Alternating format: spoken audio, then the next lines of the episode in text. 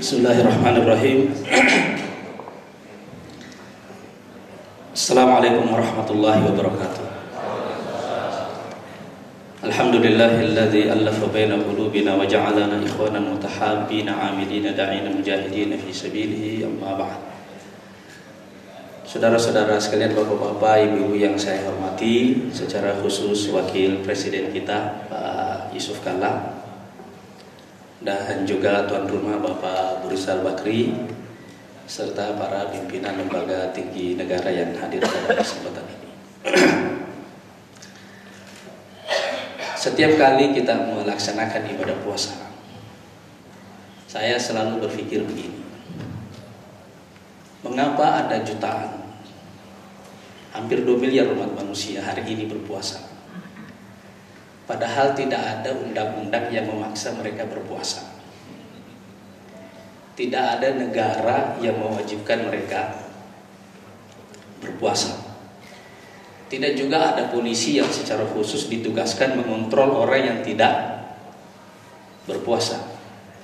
Bahkan Menteri Agama menyampaikan kita harus menghormati yang tidak berpuasa. Tapi kita tetap semuanya berpuasa. Apa yang membuat satu aturan itu ditaati oleh manusia? Dan apa yang membuat aturan tidak tidak ditaati oleh manusia? Itulah bedanya agama dan negara. Agama ini punya wibawa spiritual dalam diri manusia yang tidak dimiliki oleh negara. Dan karena itu ada negara atau tidak ada negara, ajaran-ajaran agama itu tetap akan dilaksanakan oleh manusia. Itu sebabnya karena kekuatan ini maka Rasulullah Shallallahu Alaihi Wasallam mengatakan, la yablughanna hadzal dinu ma balagal lailu wan nahar. Agama ini akan sampai kepada seluruh manusia tanpa kecuali sepanjang siang dan malam menjangkau mereka. Dan itu sebabnya kalau kita melihat salah satu ciri dari agama ini yang membedakannya dengan negara, rezim, imperium, kerajaan. Yang membedakannya adalah jumlah pemeluk agama ini itu terus bertambah, tidak pernah berkurang. Sementara negara datang dan pergi. Dulu ada imperium Romawi, sekarang tidak ada. Dulu ada Yunani yang luar biasa, sekarang bayar utang pun susah. Ya. Tapi agama ini terus bertumbuh dan tidak pernah selesai bertumbuh. Persis seperti janji Rasulullah, la dinu nahar. Agama ini akan sampai kepada seluruh manusia tanpa kecuali sepanjang siang dan malam menjangkau mereka. Beberapa waktu yang lalu saya menulis di uh, koran Sindo tentang agama dan demografi dan bagaimana satu penelitian di Amerika menunjukkan bahwa nanti pada tahun 2050 kira-kira agama Islam ini akan menjadi agama terbesar di dunia atau paling tidak sama dengan agama Kristen. Sekarang saya ingin membuat ini sedikit dalam angka-angka. Dulu waktu Rasulullah SAW diangkat menjadi nabi, dia cuma seorang diri. 10 tahun, 13 tahun kemudian beliau berdakwah di Mekah. Hasilnya itu adalah 200 orang yang hijrah ke Madinah, 285 orang yang hijrah ke Habasyah, 70 orang Ansor yang sudah masuk Islam yang ada di Madinah. 10 tahun kemudian, waktu beliau melaksanakan Hajjatul Wada, dari jumlah 335 orang waktu beliau hijrah ke Madinah ini, yang ikut bersama beliau dalam Hajjatul Wada itu jumlahnya dalam satu riwayat 100 ribu, dalam riwayat yang lain 125 ribu. Jika jumlah ini, nah ini selamat datang Pak Prabowo.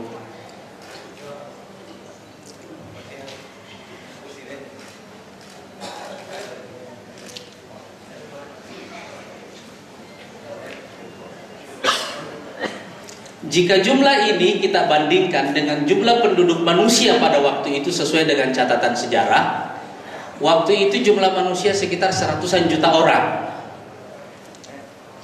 Ini artinya perbandingan antara jumlah muslim dengan non muslim itu rasionya kira-kira satu per seribu.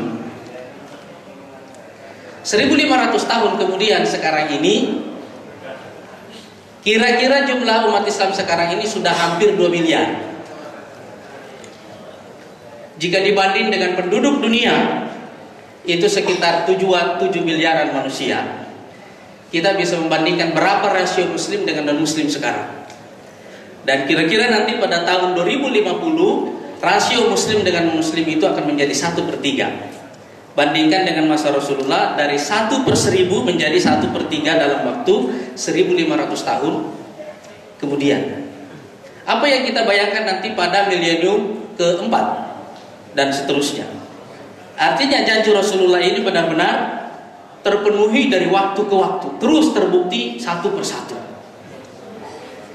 Tapi ini juga menjelaskan satu rahasia kepada kita bahwasanya mengapa agama itu lebih abadi dari negara dan rezim. Sementara nabi-nabi jauh lebih abadi juga dari raja-raja. Jumlah nabi yang diutus sepanjang dari Adam sampai dengan Rasulullah Shallallahu Alaihi Wasallam itu menurut riwayat ada dua. Satu riwayat mengatakan sekitar seratusan ribu nabi, riwayat lain mengatakan sekitar 350-an ribu nabi dan rasul. Yang disebut dalam Quran itu cuma sekitar 25. Perbedaan yang fundamental yang membuat ini lebih abadi dan terus-menerus bertumbuh dan tidak pernah selesai bertumbuh adalah karena agama memperlakukan manusia sebagai individu negara memperlakukan manusia sebagai kelompok. Dan itu dua hal yang berbeda. Negara hanya memperlakukan manusia sebagai individu dalam satu hal. Kalau dia masuk dalam daftar pembayar pajak yang besar. Itu agak individual treatmentnya itu kan. Tapi pada umumnya negara memandang manusia sebagai kelompok, sementara agama memandang manusia sebagai individu. Itu sebabnya waktu agama ini masuk ke manusia, yang pertama kali dilihat dari manusia itu apa yang membuat orang tidak mau beragama. Itu dulu. Dan kira-kira ada yang membuat orang empat hal yang membuat orang itu tidak mau beragama atau paling tidak takut pada agama. Yang pertama adalah takut. Dia takut kalau beragama ini membuat nyawanya jadi terancam. Satu. Yang kedua, kemiskinan. Lapar.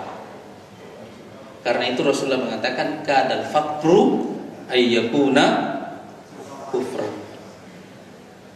Kemiskinan dan kekufuran itu hampir bersaudara. Orang miskin paling gampang menggugat Tuhan. Paling gampang menganggap Tuhan itu tidak adil. Dua faktor yang menghalangi orang dari agama ini umumnya ada pada kelompok kelas menengah bawah. Dan karena itu Allah Subhanahu wa taala mengatakan falyabudu hendaklah mereka menyembah Rabb hadzal bait Tuhan pemilik rumah ini yaitu Ka'bah allazi at'amahum min yang sudah terlebih dahulu memberi mereka makan dari lapar wa amanahum min khauf Ini berarti syarat pertama yang dibutuhkan orang untuk beragama itu adalah kebebasan. Sebab agama ini pilihan dan tidak ada pilihan bagi orang yang tidak bebas. Makanya Islam memerangi dua hal dalam kaitan ini. Yang pertama adalah perbudakan. Itu yang ada di masa lalu. Yang kedua adalah kediktatoran. Karena kediktatoran mencabut kebebasan manusia dan itu membuat orang tidak bisa memilih. Padahal Allah mengatakan la ikraha fiddin. Tidak ada paksaan dalam agama. Faman syaa falyu'min wa man syaa falyakfur. Siapa yang mau dia beriman, siapa yang mau dia kafir. Ini agama pilihan. Seseorang tidak bisa dipaksakan untuk masuk ke agama ini. Orang harus masuk ke dalamnya karena itu adalah pilihannya. Kita menjadi orang Indonesia itu adalah takdir, bukan pilihan. Iya kan? Tapi kita menjadi muslim itu adalah pilihan. Oleh karena itu, kebebasan itu adalah syarat. Kebebasan adalah syarat untuk membuat orang itu mau beragama. Nah, faktor ketiga yang menghalangi orang dari agama itu adalah al-maslahah, kepentingan. Nah, biasanya ini ada di kelompok kelas menengah atas dan elit. Orang-orang ini berpikir bahwa ketaatan pada agama membuat kepentingan duniawi mereka merasa terancam. Itu satu. Faktor kedua yang ada di kelompok elit ini dan ini bagian keempat yang mencegah orang dari agama itu adalah kesombongan. Inilah penyakit iblis menurun kepada para elit sepanjang sejarah seperti Firaun, seperti Haman, seperti Korun. Jadi kelompok elit menengah atas ini dan elit ini itu punya dua penyakit yang berhubungan dengan agama. Satu masalah kepentingannya, satu lagi masalah masalah kesombongan. Nah, sekarang kalau kita melihat dalam sejarah Islam karena itu Rasulullah Shallallahu Alaihi Wasallam mengembangkan agama ini dengan melakukan empat hal. Yang pertama adalah menjamin kebebasan bagi orang dulu untuk memilih. Orang tidak dipaksa memilih, tapi kasih dulu kebebasan. Makanya seperti Bilal dalam sejarah Islam, kita lihat dalam sejarah Nabi, Bilal karena dia tidak bisa memilih karena dia adalah budak, dibebaskan dulu, dibeli. Tapi sekarang tidak ada sistem perbudakan. Cuma ada sistem, ada tirani, ada kediktatoran yang mungkin membuat orang tidak beragama. Takut jadinya kan. Saya ingat dulu tahun 80-an orang mau berjilbab di Indonesia ini rasanya itu satu membutuhkan keberanian yang luar biasa. Kemarin kita mendengarkan berita, hari ini para poluan mengajar anak-anak mengaji. Sejak kapan orang-orang ini menganggap berjilbab ini? Karena dia merasa bebas, dia tidak merasa terancam kalau dia beragama. Itu satu. Dan inilah sebabnya mengapa di dalam Islam itu Kezaliman atau tirani ditempatkan sebagai dosa yang paling besar. Karena inilah yang menghambat orang untuk beragama. Yang kedua itu adalah akal sehat. Itu dulu yang dihidupkan. Karena al-aqlu syartut taklif. Agama ini beban dan beban ini hanya diberikan kepada orang yang ada akal sehatnya. Jadi kalau orang gila nggak ada. Dia tidak ada hisapnya kalau orang gila. Anak-anak yang belum akal akil balik juga tidak ada hisapnya. Oleh karena itu Islam menganjurkan supaya akal sehat ini, logika rasionalitas itu dikembangkan. Karena itu tidak akan menjauhkan orang dari agama, itu justru akan mendekatkan orang kepada agama. Dalam sejarah hanya ada sejarah Eropa di mana kaum saintis menjadi musuh utama agama dan menjadikan agama sebagai musuhnya. Karena itu ada latar belakangnya. Tapi dalam sejarah dalam sejarah Islam itu tidak pernah terjadi. Akal sehat itu mendekatkan orang kepada agama. Jadi kebebasan berpikir itu adalah syarat kedua yang diperlukan bagi orang untuk mendekatkan mereka kepada agama. Dan karena itu kita mendengarkan kaidah la dina liman la aqla lahu tidak ada agama bagi orang yang tidak punya akal yang ketiga itu adalah kesejahteraan. Orang perlu sejahtera supaya apa? Saya dulu ingat waktu saya ke rumahnya Bang Ical pertama kali ya. Banyak benar lukisan di rumahnya gitu. Sejak kapan orang punya waktu untuk punya perhatian kepada sedih? Pada level berapa dalam hierarki kebutuhannya? Setelah orang semua selesai dari yang basic-basic. Iya kan? Yang basic sudah selesai, ada waktu untuk itu. Begitu juga manusia, kalau dia lapar, dia nggak bisa berpikir yang spiritual, nggak bisa. Selesaikan dulu yang basic semuanya, kebutuhan dasarnya, baru orang itu diajak beragama. Tapi kalau orang itu miskin, orang itu susah diajak untuk beragama. Selesaikan masalah basic ini. Cuma persoalan ini itu terbagi dua cara mendeliverinya. Sebagiannya adalah kewajiban individu melalui bantuan personal, tapi sebagiannya lagi adalah kewajiban negara. Dan karena itu dalam konsep Islam, tugas negara mensejahterakan rakyat itu merupakan tugas untuk menyediakan instrumen yang membuat orang dekat kepada agama. Itu sebabnya tujuan zakat itu kepada delapan kelompok. Satu di antaranya yang disebut al-muallafati qulubuhum. Jadi uang itu punya fungsi taklif melembutkan hati. Melembutkan hati. Orang kalau dikasih uang sifat kritisnya hilang. Memang ada maksud itu. Iya. Ini politisi semua tahu kaidah ini kan. Islam juga menggunakan itu. Orang bisa benda agama karena itu. Dari Islam ke yang lain bisa, dari yang lain ke Islam juga bisa. Bisa terjadi hal seperti itu. Makanya orang yang baru masuk Islam, kenapa disebut mu'allafati qulubuhum? Karena memang dia perlu dilembut-lembutkan hatinya bahwa di dalam agama ini ada kebaikan. Tapi lebih dari itu kita juga melihat bahwa jika terjadi pertentangan antara kebutuhan fisik dengan kebutuhan spiritual, kita lihat idza ja'al wa quddimal 'asya faqaddimul 'asya. Kata Rasulullah. Kalau waktu Isya sudah datang tapi makan malam sudah dihidangkan, makan dulu. Baru salat Isya. Iya kan? Nah, ini ada poin yang keempat yang membuat cara Islam yaitu menciptakan nuansa spiritual. Kenapa? Karena kesejahteraan itu tidak secara otomatis membuat orang beragama, tidak juga. Cuma membuat dia melampaui kebutuhan dasarnya. Dan karena itu diperlukan nuansa spiritual yang membuat orang itu dari waktu ke waktu tahu bahwa di atas kebutuhan fisiknya ini ada sesuatu yang lebih tinggi. Dan itulah sebabnya mengapa puasa ini diwajibkan oleh Allah Subhanahu wa taala di bulan Ramadan seperti ini supaya di sini semua orang yang kaya yang miskin satu sama-sama merasakan lapar. Supaya kita meninggalkan itu semuanya dan ini orang naik ke atas, meningkat, melampaui kebutuhan fisiknya. Dan dengan cara begitu kita keluar kepada satu kaidah yang lain.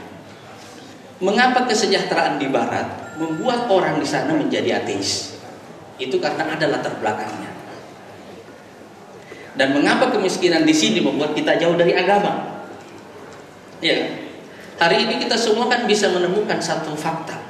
Kita ini buka puasa nanti insya Allah di hotel bintang 5 di satu tempat yang mewah, tapi aktivitasnya adalah buka puasa. Bisa orang itu sangat kaya, sangat sejahtera, tapi juga sangat spiritualis.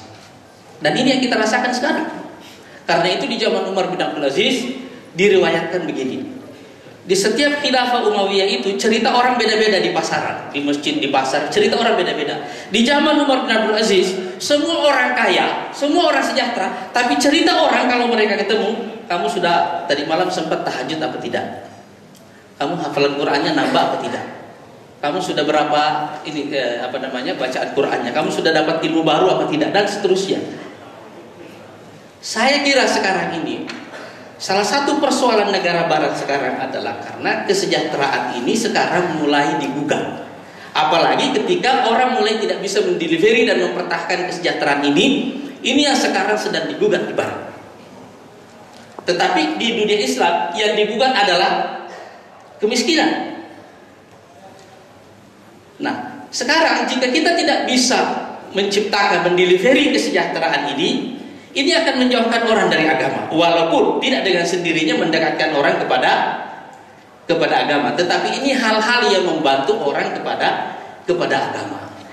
Jadi kalau kita kembali kepada pertanyaan asal tadi apa rahasia yang membuat agama lebih abadi dan terus bertumbuh? Dan nabi-nabi lebih abadi dari raja-raja?